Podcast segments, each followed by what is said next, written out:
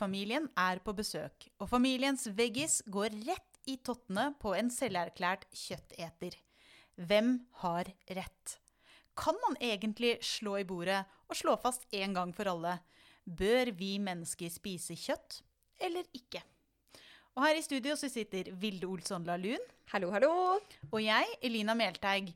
Og før vi setter ordentlig i gang, så syns jeg vi skal bare komme med en sånn uh, erklæring om at uh, vi er ikke ernæringseksperter, etikkeksperter, evolusjonseksperter eller noe som helst annet, men vi er, vi er ganske gode på å lese forskningsartikler og snakke om det. Ja, det føler jeg vi er gode på. Ja, og da er det Vi baserer oss på sånne gode fagfellevurderte eh, artikler som, som er i, publisert i anerkjente tidsskrifter. Så da er det, det er noen som har gått gjennom dette og argumentene. Uh, så det, da tenker jeg at liksom, nå har vi fort på det rene. ja, Det er litt vanskelig tema i dag, eller hva syns du, Eline? Jeg, sy jeg, jeg syns det er vanskelig. For det er jo mye følelser rundt dette med uh, skal vi spise kjøtt, skal vi ikke spise kjøtt, hvor mye kjøtt? Hvordan kjøtt? Ja. Så, så det, jeg har på en måte vært litt opptatt av at uh, at det her må jeg liksom lese grundig igjennom eh, når vi skal se på argumentene for og imot å spise kjøtt. Så vet jeg ikke eh, Har du, har du lyst til å begynne med ditt eksempel, eh, Vilde? Eh, ja, det har jeg vel egentlig. Jeg tenkte sånn når vi skulle begynne på dette, så tenkte jeg hva er det jeg egentlig er litt interessert i når det gjelder denne kjøttdebatten? Og det er jo mye som er spennende, men det jeg virkelig egentlig føler vi hører veldig mye om, er liksom det klimaspørsmålet. Hvor dårlig er det egentlig å spise kjøtt for klimaet?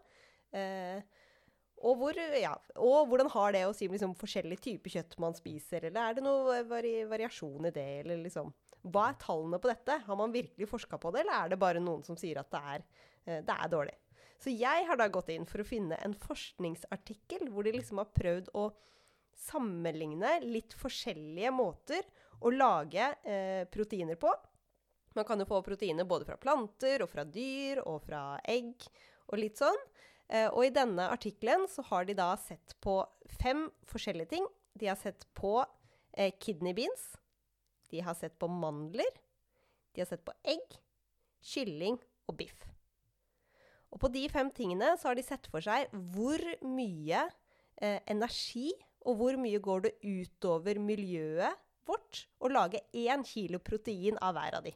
Ja, og, og da er det rene proteiner de ser på. Altså proteinene er jo en, en, et næringsstoff som vi er nødt til å få i oss utenifra. Det er ikke, ikke et vitamin, men det er, det eh, er, på en måte sukker, protein og, og fett som er liksom de, de tre viktige tingene, næringsstoffene da, som ting er bygget opp av. Ja, og eh, proteiner de er jo liksom bygget opp av aminosyre, så aminosyrene er typ byggeklossene i proteiner. Og eh, det er ikke så mange aminosyrer, men vi lager ikke alle av de selv. Så det betyr at vi må liksom spise disse aminosyrene for at vi selv skal kunne bygge opp alle, eh, alle de proteinene vi har, da, og vi lager i vår kropp. Og når du da sier at at er, i den artikkelen har de sett på hvor mye energi og, og hvor mye skal til for å lage én kilo protein de gjennom de forskjellige uh, typene mat. Så da har de ikke tatt med måte vann og sukker og andre ting, fett eller andre næringsstoffer som befinner seg i det. Da er det bare protein de har sett på. Det er bare protein, og det er jo måten de har gjort det på, er at de har sett hvor mye protein er det f.eks. i en, eh, en biff. Uh, og regna seg frem til liksom, hvor mye biff trenger man virkelig for at én kilo av de skal være protein.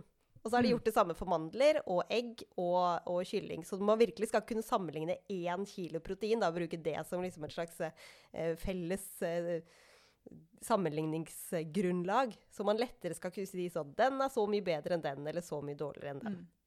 Og det jeg likte ekstra godt med denne forskningsartikkelen, var liksom at de bestemte seg for å eh, ta for seg forskjellige aspekter av det å produsere én eh, kilo protein. Og denne studien den er publisert i 2015, Sabate et al., eh, kalt 'The Environmental Cost of Protein Food Choice'. Så de har virkelig liksom sett på proteiner i mat. Den er gjort i eh, USA, på et sted i California. Og det som er eh, spesielt med akkurat det stedet i California, er at de på dette stedet lager alle de tingene. Så de kan virkelig sammenligne liksom, på det samme jordsmonnet, samme eh, tilgang til vann, samme tilgang til alt. Eh, hvor mye går det utover miljøet vårt og andre ting å faktisk lage én kilo protein? Og du tenker sikkert hvordan gjorde de dette?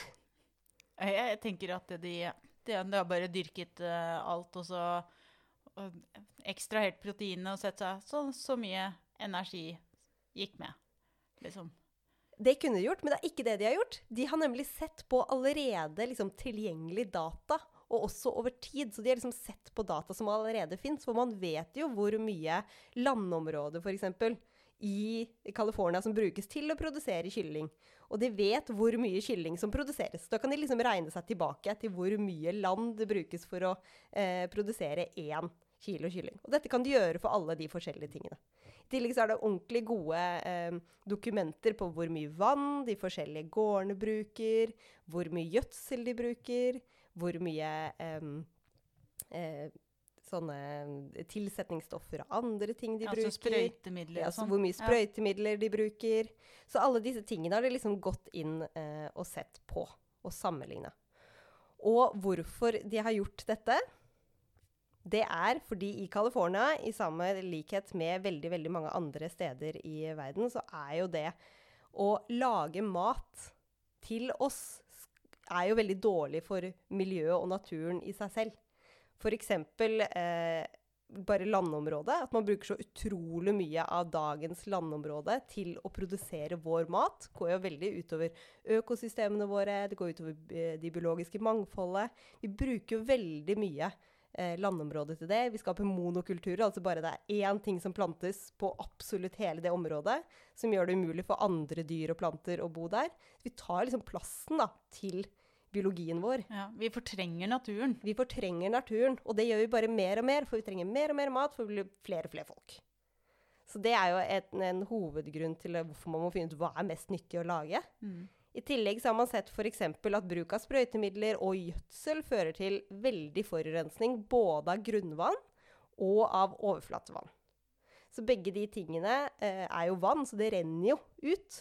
Og skaper da også forurensning selvfølgelig der hvor, der hvor det brukes, men mest også rundt. da. En skog ved siden av et, en åker som blir gjødsla, kommer til å ha altfor mye nitrogen. Og det er kjempedårlig for det biologiske mangfoldet i den skogen. Mm. Men, eh, men nå, nå har du sagt veldig mye hvorfor det er bra. Og det er jo kjempeviktig, for all del. Altså, vi, alle lurer på hvorfor de gjør dette her. Men hva kom de fram til? Og det er det som er det store. Tenkte jeg måtte si litt om hvorfor det er så viktig å gjøre forskning på akkurat dette, og hvorfor det egentlig er viktig å finne ut av hva skal vi spise. For det er jo ikke en eh, Vi skal jo spise. Ja, altså, Vi er nødt til å spise proteiner i en eller annen form. Det er vi. Eh, Det kommer vi ikke utenom. Men da er jo målet å finne en måte å få i seg proteinene på den minst mulig skadelige måten. Ja. Og hvis jeg går da tilbake til resultatene i denne studien, som jeg syns var veldig interessante Jeg vil bare si igjen at det var da sammenligning mellom kidney beans, eh, mandler, egg, kylling og biff. Og det er vel kanskje ikke noe overraskelse på alle at biffen kommer definitivt dårligst ut. Jeg tror På- jeg har hørt det før. Jeg tror liksom at vi har hørt det før, ja. Det er ikke en, en eh, overraskelse eller noe annet som kom frem i den studien. Det trengs eh, 18 ganger mer land for å lage 1 kilo biffprotein enn det tar å lage 1 kilo kidney beans-protein. Ja, og kidneybeans er, er jo bønner, da, på godt norsk. Eller ja. Kidneybønner. Jeg skal være helt ærlig, Nå skal jeg fortelle en, en liten historie. Men jeg visste ikke hva kidneybeans var på norsk, så jeg gikk i butikken og så. Og det står kidneybeans på pakka. Nei. Jo. Så det er det man kaller det på. Så det er jo bønner, og så står det under kidneybeans. Det er de som ligner på nyrer. Nyrebønnene våre. Så det var researchen jeg gjorde, da. Syns det det var bra. Så hvis vi bare eh, sier med en gang at eh, å lage biff er liksom den store slemmingen, tar den ut av eh, ligninga og ser på de andre, og her er det jeg syns egentlig er veldig, veldig spennende. For hvis du ser på eh, mengden vann som brukes, og eh, mengden eh, sprøytemidler som brukes, så, og faktisk mengden land som brukes. Eh, For det er om å gjøre å bruke minst mulig landareal og minst mulig ferskvann. det er om å gjøre å bruke minst mulig alle disse tingene, egentlig. For alle de tingene fører jo til en dårligere eh, biomangfold. Dårligere for naturen vår. Men for disse tingene så er det faktisk bedre å, eh, å eh, ha kylling enn mandler. Det er en liten overraskelse, vil jeg jo si. Jeg hadde jo, hvis jeg skulle gjette, tenkt at eh, kjøtt ikke vinner den eh, konkurransen. Nei. Det, er, eh, det, det hadde man ikke trengt. Så, Eller tenkt, ja. så det betyr på en måte at det er Det betyr rett og slett at dette er et eh, veldig håndfast bevis for at det er eh, Det kan være mer bærekraftig å spise kjøtt enn mandler, f.eks., eller bønner. For eksempel. Eh, nå skal jeg også si at bønner kom best ut. Ja. Bønnene kom definitivt best ut eh, av alle, alle disse tingene. Fordi de er, det er lettest å lage én kilo proteiner på bønner. Men alle de andre tingene vi spiser, da, egg, kylling eh, og da det, i denne tilfellet mandler, så er det veldig vanskelig å si hvem av de som egentlig er best. Og det syns jeg var ganske interessant å se, for man tenker jo ofte at mandler, det kan jo være kjempe Det må jo være godt. Det er jo liksom en plante. Det er, burde ikke være noe, noe dårlig for miljøet å, lage mandler. Ja, og det er på, jeg tenker jo at det, det er jo Nøtter er jo ofte listet opp som en sånn fin erstatning for å få i seg nok proteiner, da. Mm. Og så er det, så er det kanskje ikke mer bærekraftig eller miljøvennlig å spise mye nøtter. Nei, og det jeg egentlig har lyst til å legge litt vekt på, er de forskjellige tingene som brukes. For det virkelig nøtter er dårlig på, veldig, veldig dårlig, er at de bruker enorme mengder sprøytemidler. De bruker eh, 11,59 ganger mer sprøytemidler enn bønnene, kidneybeansene. Oi. De bruker eh, dobbelt så mye nesten, jo dobbelt så mye som egg og kylling. Mm. Og bitte litt mer til og med enn det man bruker for å lage maten som biffen eller kua skal spise. Så det er, for sprøytemiddelverden så er det er liksom mandler det verste. Og hver av disse tingene har liksom sin ting de kanskje er en versting på. Eh, men det er Biff er verst på alle. Men av de andre tingene så er det liksom at man er ille på noen ting hver, da, egentlig. Det, egentlig så burde vi jo jobbe for at, å få ned bruken av, av både vann, landareal og sprøytemidler på alle tingene, egentlig. Det burde man. Men da er det tydelig at å spise, som du sier, én ting ikke er liksom løsningen på det, da. Ja. Men i bunn og grunn så sier jo denne studien tydelig at uh, i miljøsammenheng så er biff den store verstingen.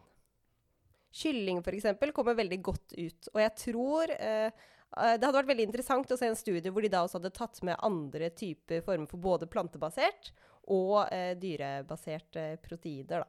Men Mm. det er interessant å se at for kylling eh, Nå skal jeg finne det eksakte tallet. Hvis du tar på landområdet, så bruker det bare dobbelt så mye land som å produsere én kilo fra bønner.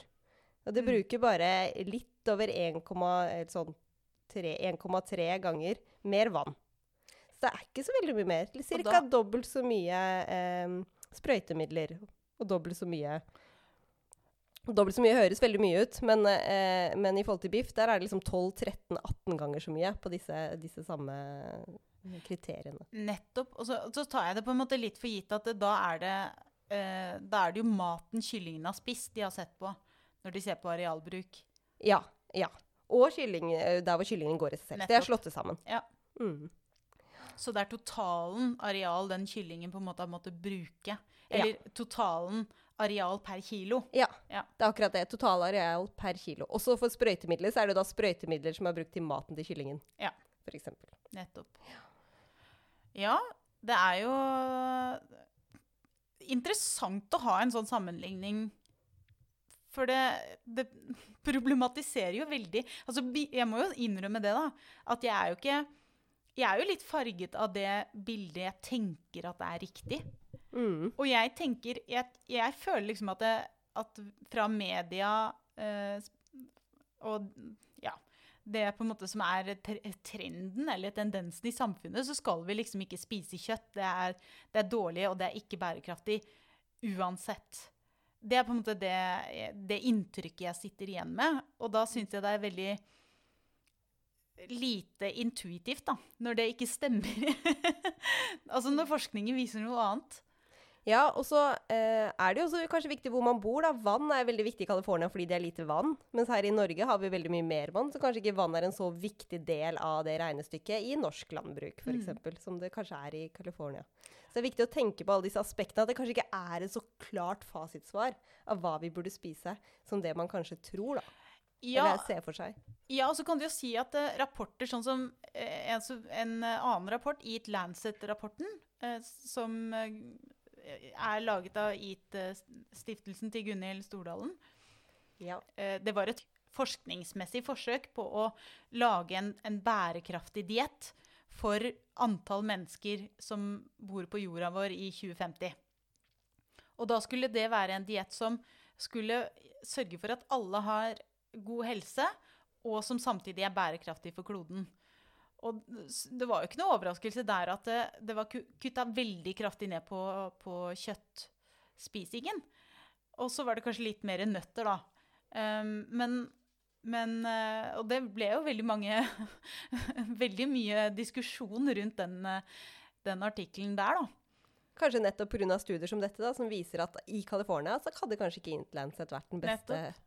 Men uh, jeg hadde ikke tenkt å snakke om den, egentlig. Verken Men, Eat Lancet eller kritikken av den. Nei. Fordi jeg har funnet en helt annen uh, historie. For jeg, jeg, når jeg tenker på kjøttspisingen, så er jeg først og fremst litt opptatt av et litt annet spørsmål da, enn en du har stilt det. Og det handler jo mer om dette. Er vi egentlig biologisk tilpassa å spise kjøtt? Det er spennende. Det er det. Fordi jeg, jeg tenker jo litt det, det, Og her er det jo ofte en sånn derre vegetarianer-kjøtteter-krangel eh, som handler om det. Er vi biologisk laget for å spise kjøtt, eller er vi biologisk laget for å spise planter? Er vi liksom jegere, eller er vi samlere? Og hvis man liksom Hva, hva tror du, Vilde? Jeg tror vi er begge deler. Ja. Er det feige svaret på det, det. spørsmålet? syns du var feig nå. jeg syns kanskje det, men jeg følte meg jeg, jeg, står for det svaret. Jeg står for svaret mitt. Jeg tror vi skal spise begge deler. Ja, og jeg, jeg holder med deg i det. Uh, det gjør jeg faktisk. Men uh, det er jo noen da som har skrevet en, uh, en artikkel, en forskningsartikkel som heter A brief history of meat in the human diet and current health implications. Eller eh, på godt norsk en kort historie om eh, kjøtt i menneskets eh, diett og moderne tiders helseproblemer. det var ikke noen Det hørtes ikke ut som det ble en kort historie. Nei, nei. nei det er ikke en kort historie. Nei. Men det er ikke en bok. Det er, ikke en bok. Det er ikke som 50 sider om middens sekli. Det var kortere. det er bra. og den går så langt tilbake som fire millioner år når menneske, menneskets uh, slektninger begynte å reise seg opp uh, på to bein. I ca. tamme tidsrom så begynner man å finne kuttemerker etter redskaper på beindrester. Ok, Så vi begynte ja. allerede da? Tydeligvis. Ja. Uh, det er jo aper i våre dager som spiser kjøtt, så mm. vår felles forfader har jo også gjort det. Og de finner også isotoper. Det er altså varianter av atomer eh, som man kan bruke til å datere ting. Noen har kanskje hørt om karbon-14-datering. Eh, og det er litt andre isotoper man kan se på. Eh, og det også er med på å bygge opp et bilde. Altså isotopene de finner i beinrester, eh, menneskets beinrester, da, tyder på at det, det har vært kjøtt i dietten. Ok, for Da får de isotoper fra kjøttet de har spist, og så inkorporeres det i beina, og så kan vi studere det? Nettopp. Alt vi kan? Det er mye man kan finne ut av i, i ettertid. Og så mener de også at det at vi har gått over fra frukt- og plantespising og over til kjøtt, det har på en måte bidratt til at det Fordi at tarmen er et organ som krever veldig mye energi. Så det har bidratt til at det, man kunne redusere Altså over tid, da, for det er jo evolusjon, så vi snakker jo tusenvis av år, så kunne menneskets tarm bli kortere og da frigjorde du energi som gjorde at vi kunne bygge opp et helt annet organ, nemlig hjernen. Og det er jo et organ som krever ganske mye energi. Så det er mange som mener at eh, den, den endringen fra å spise kjøtt, eh, fra, fra å spise planter og, og, frukt og sånn, til å spise mer kjøtt, har bidratt til at da kan tarmstørrelsen reduseres. Og dermed så kunne mer energi gå til hjernen. Og det er jo det at det, rett og slett at planter krever en litt lengre tarm for å brytes ned. Og det, er, det, har de gjort en ganske grundig analyse av da, i denne artikkelen. Eh, tarmlengden til mennesker kontra tarmlengden til en del andre dyr. Så anatomien vår sier at vi da er kjøttetere, da, og har vært det ganske lenge, siden det liksom har blitt sånn som det er i dag? Ja, i hvert fall tarmanatomien. Og så er det, det er masse forskjellige andre ting. Men, eh, og så kan du si at det, ok, tarmen vår er ikke fullstendig Altså, den er ikke like kort som en helt kjøtteter. En hai, liksom? Aner ikke hvordan haitarmen ser ut. Jeg tror vi holder oss til pattedyr. ok, greit. Jeg tenkte liksom mer på sånn gepard, ulv Et eller annet sånt noe. Men greit. Men det er hvert fall poenget her er at tarmen er ikke like kort til dyr som hos dyr som er rene kjøttetere men den er veldig mye kortere enn planteetertarm, da. Og så kan du si at uh, vi har også Det er også endringer i tennene som tyder på at vi ikke er rene plante- eller kjøttetere. Men det er i hvert fall mye som tyder på at uh, dietten, altså endring i diett, har vært med på å bidra til endring i hjernen vår. Altså størrelsen på hjernen. Endring i størrelsen på tarmsystemet. Og så er det og, og også hva man finner av liksom spor på bein. Men også det at vi finner eh, isotoper, andre typer isotoper i menneskebein da, enn det man ellers, ellers ville ha gjort. Og så syns jeg jo også at det er litt interessant at eh, f.eks. Sjimpanser de har jo fortsatt evnen til å eh, produsere vitamin B12 i tarmen sin. Og sjimpanser er jo på en måte en nær slektning av oss mennesker. Vi har ikke den evnen. Og det er litt fordi at får, vi får tilført B12 fra kjøtt. Ja. Så det at vi ikke har de bakteriene lenger, altså vi har rett og slett mistet evnen, det er egentlig et ganske godt argument for at vi har vært kjøttetere en stund. Ja, for da har vi fått all vår B12 gjennom kjøttet vi har spist, istedenfor å produsere det selv. Og da må det ha vært ganske gjennomgående kjøttspising. En annen ting er jo også at det er uh, Det er jo mange som har argumentert uh, for at vi kan få i oss plantebasert jern fra grønne planter, f.eks. Men saken er den at kroppen tar visstnok da lettere opp jern som kommer fra kjøtt.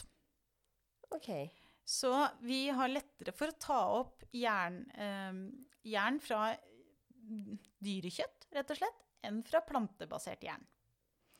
Så det er også et argument for at vi sannsynligvis har spist en del kjøtt gjennom tidene. Eh, og så er det eh, en annen ting som jeg ikke har sett så ofte som et argument, men vi har visstnok redusert evne til å syntetisere et stoff som heter taurin, som er viktig i ganske mange forskjellige fysiologiske prosesser. Og kjøttetere får dette fra kjøtt. Planteetere må produsere det selv. Og det at vi har redusert evne til det, viser at vi stort sett har fått dette eksternt da, ved at vi har spist kjøtt. Og det er, det er, noen flere argumenter her, eh, sånn gjennom tidene, da, eh, for at eh, vi sannsynligvis er kjøttetere. Men jeg har bare lyst til å si at eh, jeg legger ut, vi, vi legger ut linken til artikkelen på nettsiden til Norsk biologforening. Sånn at hvis du er interessert i å liksom virkelig fordype deg i disse problemstillingene, så anbefaler jeg at du går inn der og leser det der. Og så hopper jeg litt, eh, litt, videre til den siste delen av den artikkelen, for det er jo kjøtt gjennom tidene. Så, og så gjør han et litt sånn byks fra liksom steinalderen til våre dager. Det lite byks, Ja, et lite ja, byks. Ja. Eh, fordi nå er det jo Det er jo kommet masse kritikk, eh, holdt jeg på å si, mot kjøttspising, da. I form av at det, det er en del studier som peker på at eh, man får økt risiko for hjerte- og karsykdommer med, når man spiser store mengder kjøtt. Og det er en økt risiko for endetarmskreft. Og så er det jo et stort problem med veldig mange av disse studiene. Det er at veldig mye av dette er basert på eh, sånne observasjonsstudier og selvrapportering.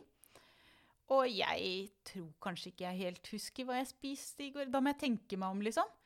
Og det er jo problemet med selv, selvrapportering over tid. Eh. Når du skal begynne å fortelle en forsker hva du spiste for ti år siden og fram til i dag, så vil du ha litt problemer med det. ja, det blir nok fort feil. Ja. og så har man en tendens til å fortelle eh, liksom en pos mer positiv side da, enn det som egentlig er sant. Mm. Um, og så er det et, også et annet viktig poeng, og det er at kjøtt har til en viss grad endret karakter de siste eh, 25 årene. Fordi hva de dyrene vi spiser, har spist, det har mye å si. Ja, før spiste de vel ikke kraftfôr? Ikke sant? Mm. Så dyr som har spist gress, de, har en litt, de, de vil inneholde andre ting enn dyr som har spist la oss si, menneskematrester eller eh, kraftfôr, da. Eller la oss si at det, du har satt en kylling til å spise fisk, eh, sånn satt på spissen, så vil, så vil kjøttet også bære preg av hva det dyret har spist. Mm. Eh, og det hører også med til historien at det er en del tilsetningsstoffer i kjøtt som man i ettertid har funnet ut at ja, det var kreftfremkallende, det. Eh, og så er det blitt forbudt. Så det å sammenligne gamle studier er ikke nødvendigvis noe som gir et godt tall på at kjøttet i seg selv var dumt. Kanskje det var tilsetningsstoffene. Ja, og kanskje vi bare fôra dyrene med, noe, med feil Nettopp. mat. Så eh, det er egentlig på en måte oppsummeringen eh, av, eh, av kjøttspisingens eh, historie og, og moderne helserisikoer. Så må jeg bare si igjen, oppfordre til, les dette på egen hånd og gå gjerne i dybden. Eh, det er litt flere juicy details, eh, eller eh, herlige Juicy details om kjøttspising. Herlige detaljer. Jeg, kan, jeg kan nevne én da, som jeg, er litt morsom, som også er et argument for at vi har spist kjøtt gjennom tidene. Og det er at det finnes egne parasitter som, er, som har mennesker som hovedvert, og som finnes i kjøtt. Og de ville ikke ha eksistert hvis ikke det var en veldig veldig, veldig høy sannsynlighet for at de ble spist av mennesker. Og det var gøy, det var sånn biologisk forklaring. Ja. Det var kjempegøy. Og hvis du har lyst til å høre mer om det, så kan du sjekke Parasittpodkast-episoden vår om eh, Tania solium, som er en sånn parasitt. Svinebendelorm har mennesker som hovedvert. Det var godt uh, innspill. Men du, jeg har et spørsmål når det er uh, kjøtthistorien til, fra tidenes morgen til i yeah. dag. Er det sånn at uh, For jeg har lest et sted at vi Hvis du sammenligner med hvor mye kjøtt vi spiser i dag, i 2020, med hvor mye vi kjøtt vi spiste si på 50-60-tallet, så spiser vi veldig mye mer kjøtt i dag. For jeg tenker Mange av de tingene i den studien sier jo at ja, vi har spist litt kjøtt opp gjennom tidene, men har vi spist det like mye som vi faktisk har spist i dag? Og det var et veldig veldig, veldig godt spørsmål. Jeg har faktisk data på det her. da. Eh, fordi at eh, de har sett på jeger- og samlekulturer som i moderne tid. Og så har de sett på hvor mye de spiser, altså hvor mye av energien sin de får fra animalske kilder. Og det vil si da både fett og protein fra dyr og egg og da er det et sted mellom 56 og 65% av energien som er animalsk. Og det er mye. Men da hører det jo med til historien at det er mer energi i fett. da. Så de spiser mye fett. Ja. Men, men det er, altså, energi fra animalske kilder er en vesentlig del av energien. Og så er det 22-40% fra karbohydrat, og 19-35% av det de spiser, er protein. Og hele nesten, altså opp mot nesten halvparten av det de spiser, er fett. Animalsk fett. Altså 28-47% da, ifølge, den, ifølge denne Jeg har en studie her fra Bonnet et alt som kom ut i år. Og de eh, har sett på liksom hvor mye kjøtt man faktisk spiste på 60-tallet, og sammenligna det med i dag. Mm. Og da ser de at på 60-tallet var liksom hovedmaten vår var eh, plantebasert. Så du spiste eh, poteter, og så hadde du litt kjøtt til. Og du hadde ikke kjøtt hver dag. Eh, det var liksom det vanlige. Mens i dag så går vi mye mer for at kjøtt er liksom hoved... Eh, eh, essensen av middagen vi f.eks. spiser. Så de har funnet ut at vi spiser 58% mer kjøtt i dag enn på 60-tallet, f.eks. Mm. Du, du kan si at det, det er jo en veldig god grunn til at jegere og samlere antagelig har spist mye eh, kjøtt. Fordi eh, de har jo lagt ved en tabell over eh, kalorier per time. Så, altså hvor, For hver time med arbeidsinnsats for å skaffe mat, hvor mange kalorier får du igjen i utbytte fra den maten? Ja. Men det er lurt for jegere og sankere. Men det er ikke så lurt for oss i dag. Nei, fordi vi trenger ikke jobbe så veldig mye for hver kalori vi får. Men for jegere og samlere så er det helt åpenbart at det lønner seg å spise kjøtt. Fordi med én time innsats så kan du få eh, 13 000 til 15 000 ca. kalorier eh, fra kanin. Eh, og med én time innsats så får du tilsvarende fra frukt f.eks. 900 til 6000 kalorier. Eh, hvis du spiser frø, så får du fra 500 til 4000 kalorier per time innsats. Så den sikreste måten å få i seg eh, nok mat på Altså, det er antilope, f.eks. Én time arbeidsinnsats. 16 til 32 000 kalorier for den ene timen. Det er ganske åpenbart at det liksom Timeslønna si, det. Ja. Det lønner seg. Du får mye større utbytte eh, sånn matmessig av å jakte. For i dag, i motsetning til da, så kan vi jo faktisk velge. Det er akkurat det. For vi, nettopp fordi vi ikke er så avhengig av å ha et høyt eh, hva skal jeg si, antall kalorier per time, Ikke sant? så har vi valget. Og det er en perfekt overgang til min eh, artikkel nummer to. Har du lyst til å høre? Jeg er spent. Kjør på. For det er jo litt det eh, som jeg nevnte i stad, med at eh, f.eks. biff da, og, og mest sannsynlig da også noen andre typer kjøtt er, er faktisk veldig mye dårligere enn f.eks. Eh, bønner å produsere. Og det betyr jo at det er mange som har lyst til å kanskje spise mindre kjøtt. Og i dag i verden så tror man at det er ca. 5% som sier at de er vegetarianere, altså at de ikke spiser noe kjøtt i det hele tatt. Og ca. 3% som, spiser, som er veganere, altså at de ikke spiser kjøtt eller noe produkter fra dyr, ikke melk, ingenting. Så det er jo en relativt liten andel. Men det er hele 14-60 det er veldig usikkert, for det kommer an på hvilket land og alt, som sier de er det vi kaller for fleksitarianere. Og hva betyr det? Definisjonen av det som jeg har prøvd å finne, er en person som aktivt prøver å spise mindre kjøtt, men som fortsatt har kjøtt som en liten del av sitt kosthold. Men det høres jo, det høres jo veldig bra ut. Det høres veldig bra ut, og det er mange som, som er det. Men dette krever jo da en slags livsstilsendring og en holdningsendring. Og forskerne i dette paperet som jeg eh, skal snakke om nå, som er faktisk Gonzales et al. 2020, de har prøvd å se på hvorfor er det så vanskelig å endre vanene sine med å spise kjøtt. Ja. Hvorfor er det så vanskelig? Hvorfor kan vi ikke bare si at det er ikke bra å spise biff? Nå spiser vi aldri biff igjen. Eller det er ikke bra for naturen, da. For miljøet. at vi skal Ja. spise. Hvorfor, spi hvorfor er det så vanskelig? Og det hadde de lyst til å prøve å finne ut av, og de tok et uh, utgangspunkt i et land som jeg syns ligner veldig mye på Norge. Kan jeg bare få si Ja. en ting? Det er vanskelig å slutte å spise sjokolade òg. Ja, ja sånn. men det er, eh, det er du Ja, er du helt, eh, det er helt enig i. Eh, og selv om man vil, Ja. så er det vanskelig. Og det kan hende at kjøttet havner litt i samme, samme kategori. Men det var det disse, disse forskerne skulle prøve å finne ut. Hva er det som, for det første, hva driver deg til å ville bli fleksitarianer eller til å ville spise mindre kjøtt?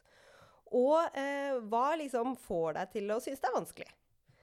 Og de tok et land som man spiser ganske mye kjøtt. Eh, og det er et av vårt favorittland, eh, Elina. Det er New Zealand. Åh, vi er veldig glad i New Zealand. Vi er veldig glad i New Zealand. Og de har en, en, kultur hvor de spiser ganske mye kjøtt, så det er liksom veldig viktig i, i, kulturen deres. Og de prøvde å tenke sånn OK, vi skal finne ut uh, hva folk syntes om kjøtt. De fant først personer som er fleksitarianere, eller har lyst til å bli fleksitarianere, og så delte de det inn i tre forskjellige grupper. Den ene gruppa var unge voksne uten barn. Den andre gruppa var familie. Og den siste gruppa var pensjonister. Eneste fellestrekket alle disse hadde, var nettopp det at de ønska å spise mindre kjøtt. Men fortsatt ha det som en del i kostholdet sitt. Og så satte disse gruppene én og én gruppe sammen, for det var jo flere individer i hver gruppe. Og så hadde de det som heter fokusgrupper. Så da skal egentlig personen personene i hver gruppe snakke sammen om litt sånn spesifikke temaer.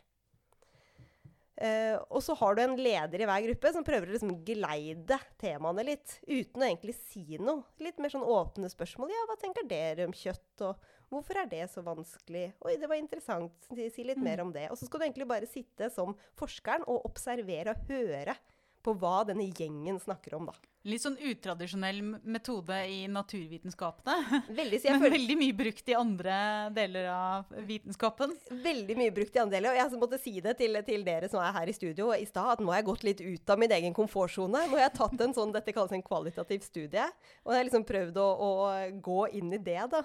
Jeg følte meg veldig liksom satt uh, godt ut av uh, naturfagkomfortsonen min med denne kvalitative studien. Men det var veldig spennende å lese denne artikkelen.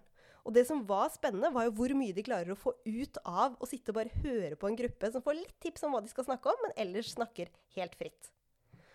Og det første de lurte på, var liksom hvorfor ønsker man å redusere eh, mengden kjøtt man spiser.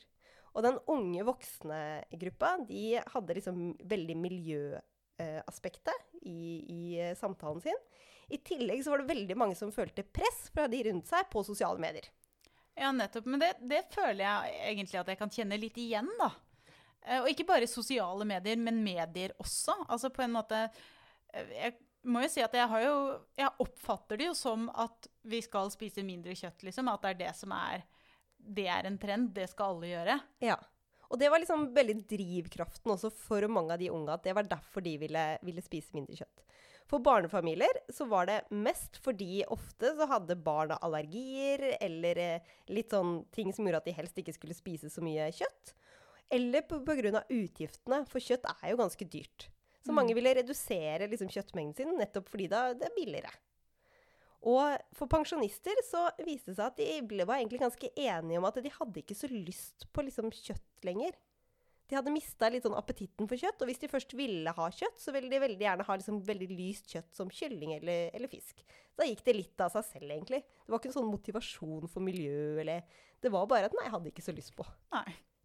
Og det er jo veldig interessant at noe som vi kanskje ser på som et så generelt problem, og så er det tre grupper som har så individuell innstilling på hvorfor de gjør dette, da. Mm. Og så fortsatte de i fokusgruppa å se hvordan reduserer eh, disse forskjellige gruppene mengden kjøtt de spiser. Og de unge voksne, da var det mange av de som hadde en slags tilnærming på at de ville bruke kjøtt mer som en belønning. F.eks. bare i helgene. Eh, eller bare hvis du var ute og spiste med venner, eller hvis det var noe spesielt, og at de skulle prøve å liksom lage kjøtt, eller kjøttfrie retter når de var hjemme. da. Brukte sånn belønningsbasert, sånn som kanskje vi mm. bruker sjokolade. da. Ja, ja. I hvert fall ja, de kloke av oss. ja, eller så kan jeg også se for meg at, det, at man tenker at ok, når jeg, når jeg, går på besøk, da skal jeg ikke være vanskelig. For eksempel. Da, da spiser jeg det som jeg jeg får. Mm. Eh, og så må jeg jo også innrømme at det, i, ved store høytider og familiesammenkomster og sånt nå, så er det litt sånn eh, Hva skal jeg si det, jo, det, blir fort litt sånn upopulært. Da. Litt uh, sånn som jeg sa i introen. At det blir litt sånn hvis man skal skille seg ut, så blir det liksom litt mm. vanskelig på en eller annen måte. Det er litt sårt at du liksom ikke skal spise det samme som alle andre. Du, du markerer jo veldig standpunkt. Mm. Ja, så, og det kan ja. jo være bra, det, altså for all del. Men, men jeg tror er, man, mange føler på at det, det, er litt ubehagelig. Ja, og så er det kanskje ikke det de er ute etter. da, Ikke etter en diskusjon. De har bare mm. lyst for seg selv å spise litt mindre kjøtt. Nettopp. Hvis vi da hopper videre til liksom, eh, familier, hvordan de da velger å redusere mindre kjøtt, så var det mange som tenkte at de skulle prøve å lage, når de lager sine egne retter, nettopp som du sier, så prøver de å lage kjøttfrie. Og så når de da er ute, så spiser de hva som, hva som kommer. Men det morsomste som jeg fant her, var det var en av disse gruppene med familier som syntes det var litt problematisk, fordi barna ville jo veldig ofte ha kjøtt. Og da eh, ble de enige om at det var veldig lurt å prøve å liksom gjemme grønnsakene i f.eks. kjøttdeigen så ser det ut som det er mye mer kjøttdeig hvis du blander den med masse bønner, og så er det egentlig liksom like mye bønner som kjøttdeig. Det trikset har jeg brukt på meg sjøl. Ja. Så det var, en, det var akkurat det jeg tenkte sånn Nei, men det var jo lurt. Etter jeg leste dette, så lagde jeg og, og Joe vi lagde taco med bønner i kjøttdeigen. Ja, det er jo så godt. Det var akkurat det jeg har gjort. Og så, på et eller annet tidspunkt så fant jeg ut at det, eh, det går an å bare bruke tacokrydder og blomkål og kikerter, og det smaker egentlig nesten det samme. Jeg liker den nesten. Ja. ja, det er fordi det er noe med konsistensen. Men fordi tacokrydderet smaker så mye, så er jo egentlig smaken er jo bare tacokrydder. Ja, det er mange alternative løsninger, da. Og det tror jeg var den familiene. De hadde veldig mange sånn kule alternative løsninger å lage maten på uten kjøtt. Eh, og pensjonistene de eh, ble enige om at de gikk litt av seg selv, for de hadde jo ikke lyst på kjøtt. Men så var det kanskje den delen jeg syntes var mest spennende med dette. For hittil så, så, er det en veldig fin flyt med at vi har lyst til å spise mindre kjøtt pga. X eller Y, og så gjør vi det. Eh, men hvorfor slutter man ikke da helt? Og det var jo noe av det de, ville, de virkelig ville finne ut av. Hvorfor slutter man bare ikke helt å spise kjøtt? Hvis man uansett liksom skal prøve å redusere det. Og da kom det veldig tydelig frem. For barnefamilier eh, så er det en tanke rundt at barn som vokser, trenger næringsstoffer. Og dette var tanker disse familiene satt med, og det var ingen av de som egentlig kunne komme med noen vitenskapelige begrunnelser eller forklaringer at de faktisk hadde hørt av noen som vet, vet hva de snakker om. Mm. Det var bare en slags oppfatning de hadde mm. om at barna måtte få kjøtt for å vokse og bli store. Og her er det jo potensialet med liksom opplysning, eventuelt. Liksom hvordan eh, fortelle barnefamilier at barna kan få alle næringsstoffene sine med å spise andre ting. Eller mm. det er eller man, man, må jo rett og slett ha litt sånn ernæringskunnskap, da. Ja, man må det. Eh, for det, de har jo et poeng. Ja, så det, jeg syns det var veldig interessant å vite at de var liksom redd for barnas utvikling, og det var derfor de virkelig fortsatt ville ha kjøtt i, i uh, maten. Og for pensjonister så var de veldig klare på akkurat det du sa med jul, eller med liksom jul, mm. familieselskaper. Det skal være det kulturelle og det mm. familiære og den kosen, å liksom sitte rundt et bord og spise kanskje en tradisjonell kjøttrett, da, at den ville de absolutt ikke eh, miste. Selv om de egentlig ikke liker kjøtt. Nei, ikke sant det. Men de vil ikke miste tradisjonen. Nei. Det er det de ikke vil miste. Så, så, det var liksom drivkraften for å virkelig ikke eh, slutte helt med å spise kjøtt. Og til sist, det jeg syns også var en, en god eh, forklaring, eller det som alle var enige om, og som jeg syns kommer veldig tydelig frem, er det at alle disse så på det å skulle spise mindre kjøtt som en slags prosess. Det skulle ikke være sånn fra og med i morgen så skal jeg ikke spise mer kjøtt. Det skulle litt og litt å finne nye måter å spise på eller bytte ut på, og spise litt mindre og litt mer av det. Det skulle være en prosess over tid hvor man til slutt ender opp med å spise mindre kjøtt enn det man gjorde i dag. Uten å kutte det helt ut. Jeg synes det var en veldig sånn fin avslutning på på hele artikkelen, hvor de har gått gjennom alle for og imot, og tanker som liksom hele befolkningen har da, mm. rundt kjøttspising. Og jeg føler meg kjempeenig. Ja, altså, men det er jo kanskje fordelen med en sånn type forskning, da, hvor de har bare først og fremst undersøkt folk som er i den prosessen. Uh, hva er det de tenker, og hva er det de syns? Ja. Fordi uh, jeg jo egentlig kjenner meg veldig godt igjen i alt det du har sagt, egentlig. Mm. Og det tror jeg det er flere som gjør, og, og derfor er det også vanskelig å vite, å vite liksom, hva skal man gjøre når, hvordan. Mm. Eh, og det er vanlig at man ikke gjør det fra A til Å, slutter med å spise kjøtt. Og så er det jo interessant også hva er det som eventuelt er, gjør at folk syns det er vanskelig. For det er jo også viktig. Hvis, hvis man skal kutte, kutte, ned på kjøttspisingen, så er det jo definitivt interessant å vite hva er det som er utfordringene, på en måte. Ja. Og at uh, forskjellige grupper grupper, liksom grovt inndelte grupper ikke har de samme utfordringene. Ja. ja. og hvis man ser for seg at alle hadde klart å gå på en slags prosess som de snakker om her, da, og spist halvparten så mye biff bare som mm. de gjør i dag, så hadde jo det vært fantastisk for miljøet vårt.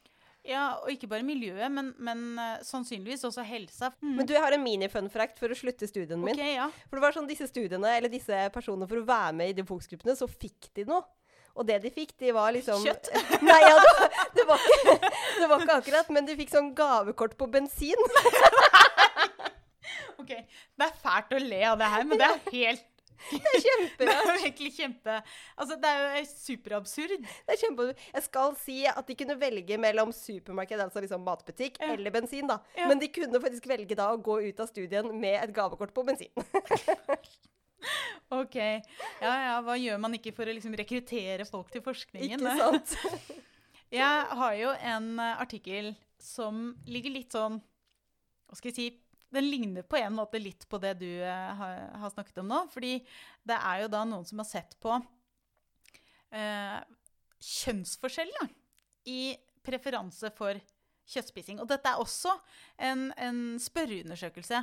Og den artikkelen heter Of meat and men. Sex differences in implicit and explicit attitudes towards meat. Og det er da eh, fra et eh, psykologitidsskrift, og denne kom ut i 2018. Og det de egentlig har eh, sett på, de har jo da tatt primært australske bachelorstudenter. og det er typisk at det er studenter da, som ender opp i sånne spørreundersøkelser på universiteter. Men, eh, men de har gått veldig sånn grundig til verks. eh, hva hva assosierer man på en måte kjøttspising med? Og er det forskjeller i preferanser for å spise kjøtt? Og da har jeg lyst til å spørre deg, eh, Vilde. Det er jo alltid gøy å starte med å spørre deg. Hva tror du? tror du? Hvem tror du spiser mest kjøtt, og hvem tror du på en måte har en størst preferanse for å spise kjøtt? Menn eller kvinner? Da skal jeg bare referere, dette nevnte jeg ikke, men i den studien jeg nettopp snakka om, så var eh, et av hovedproblemene til disse kvinnene som var med i familiegruppa, Ja. var at mennene dem syntes ikke middagen var en ordentlig middag hvis det ikke var kjøtt der.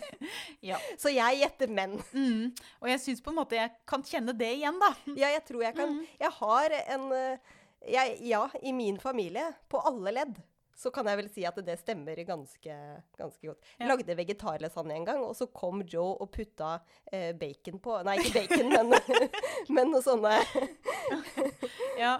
Ja, så det sier jo litt. ja. Eh, og, og det er egentlig det den studien her også sier, da. Eh, fordi både menn og kvinner assosierer det å spise kjøtt med noe maskulint. Eh, menn hadde sterkere assosiasjoner enn kvinner til at kjøtt er sunt og godt. Og så har de jo sett på sannsynligheten for at en person er vegetarianer. Hvis du tar en, eh, en eh, tilfeldig person, så er det dobbelt så stor sannsynlighet for at det er en eh, vegetarianer hvis det er en kvinne. Ja. Rett og slett. Mm. Så, men eh, så skal vi bare ha i bakhodet at eh, studien primært hvor de fant disse assosiasjonene, er jo gjort hos bachelorstudenter i Australia. Kanskje, kanskje de har en, eh, en kultur eller et eller annet som gjør at den eh, preferansen ikke stemmer overens med hva som er preferansen i Norge. Det vet vi ikke. Ja, det er jo gøy. Hva tenker du nå? Skal du fortsette å spise kjøtt? Skal vi ta konklusjonen nå, Ja, altså? skal vi rett og slett ta konklusjonen?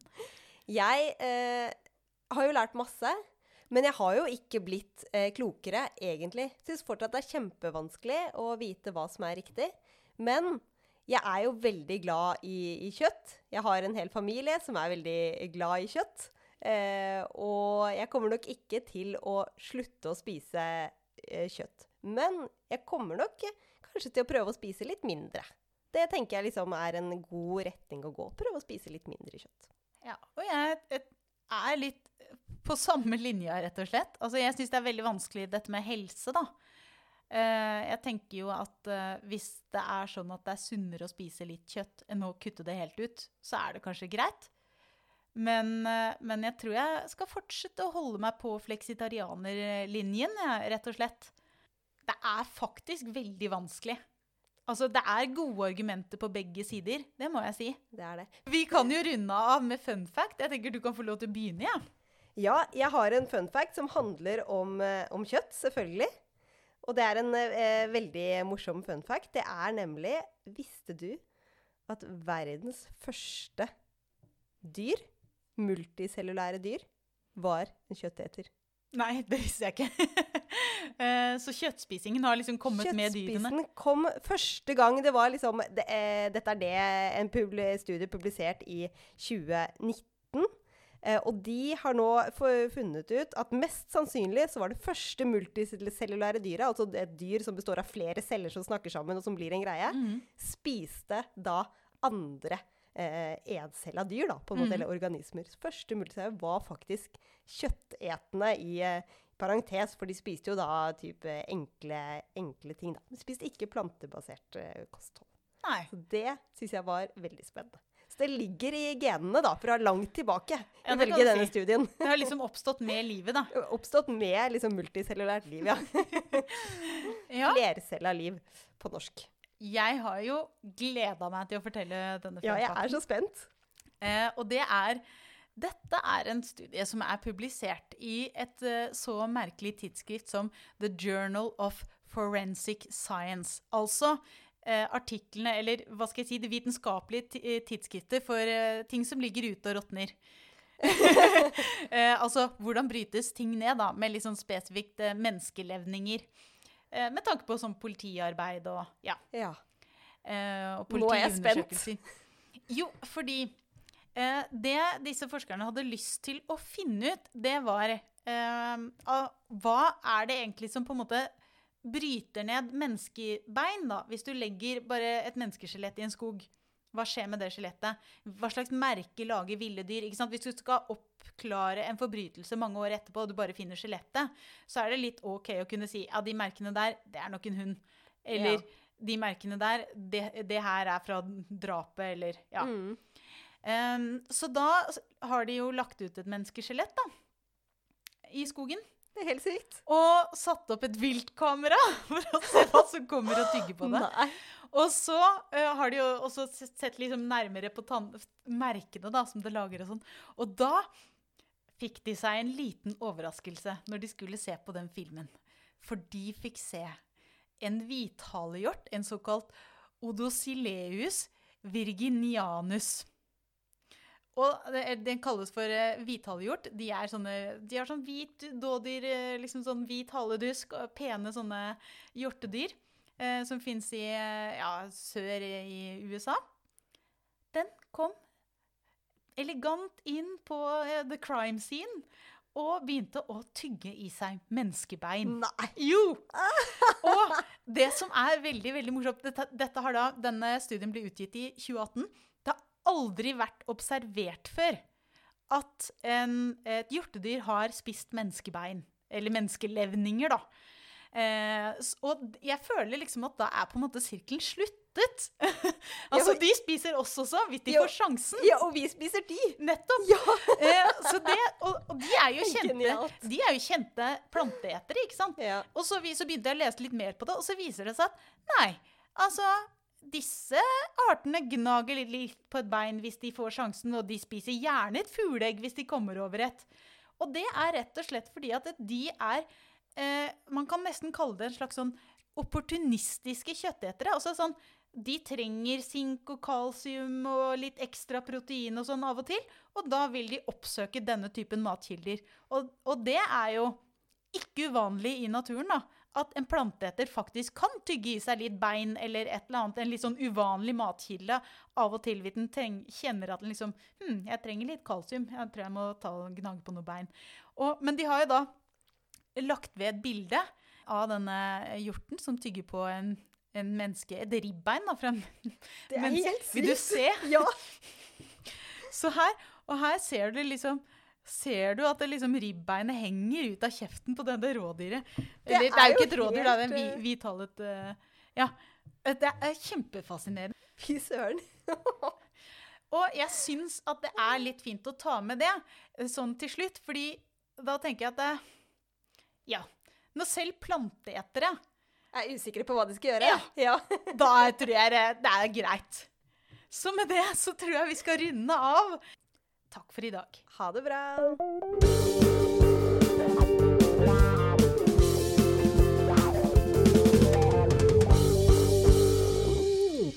Du har nå hørt Biopodden med Vilde Olsson Lahlun og Elina Melteig. Og med på laget har vi også Torborg Galtland, daglig leder i Norsk biologforening. Denne episoden av Biopodden er laget i samarbeid med Tømtestiftelsen og er en serie på seks episoder som erstatter Biokonferansen. Årets tema er mat. Podkasten utgis av tidsskriftet Biolog, som eies av Norsk biologforening. Musikken du hørte, er laget av biologibandet Overgump, som består av Even Sletteng Garvang, Markus Fjelle, Erik Møller, Mathias Kirkeby og Audun Rugstad. Fortell gjerne om podkasten til venner og kjente, og gi oss tips og tilbakemeldinger på e-posten biopodden alfakrøllbio.no. Og hvis du vil støtte oss, så er du hjertelig velkommen som medlem av Norsk biologforening. Vi høres.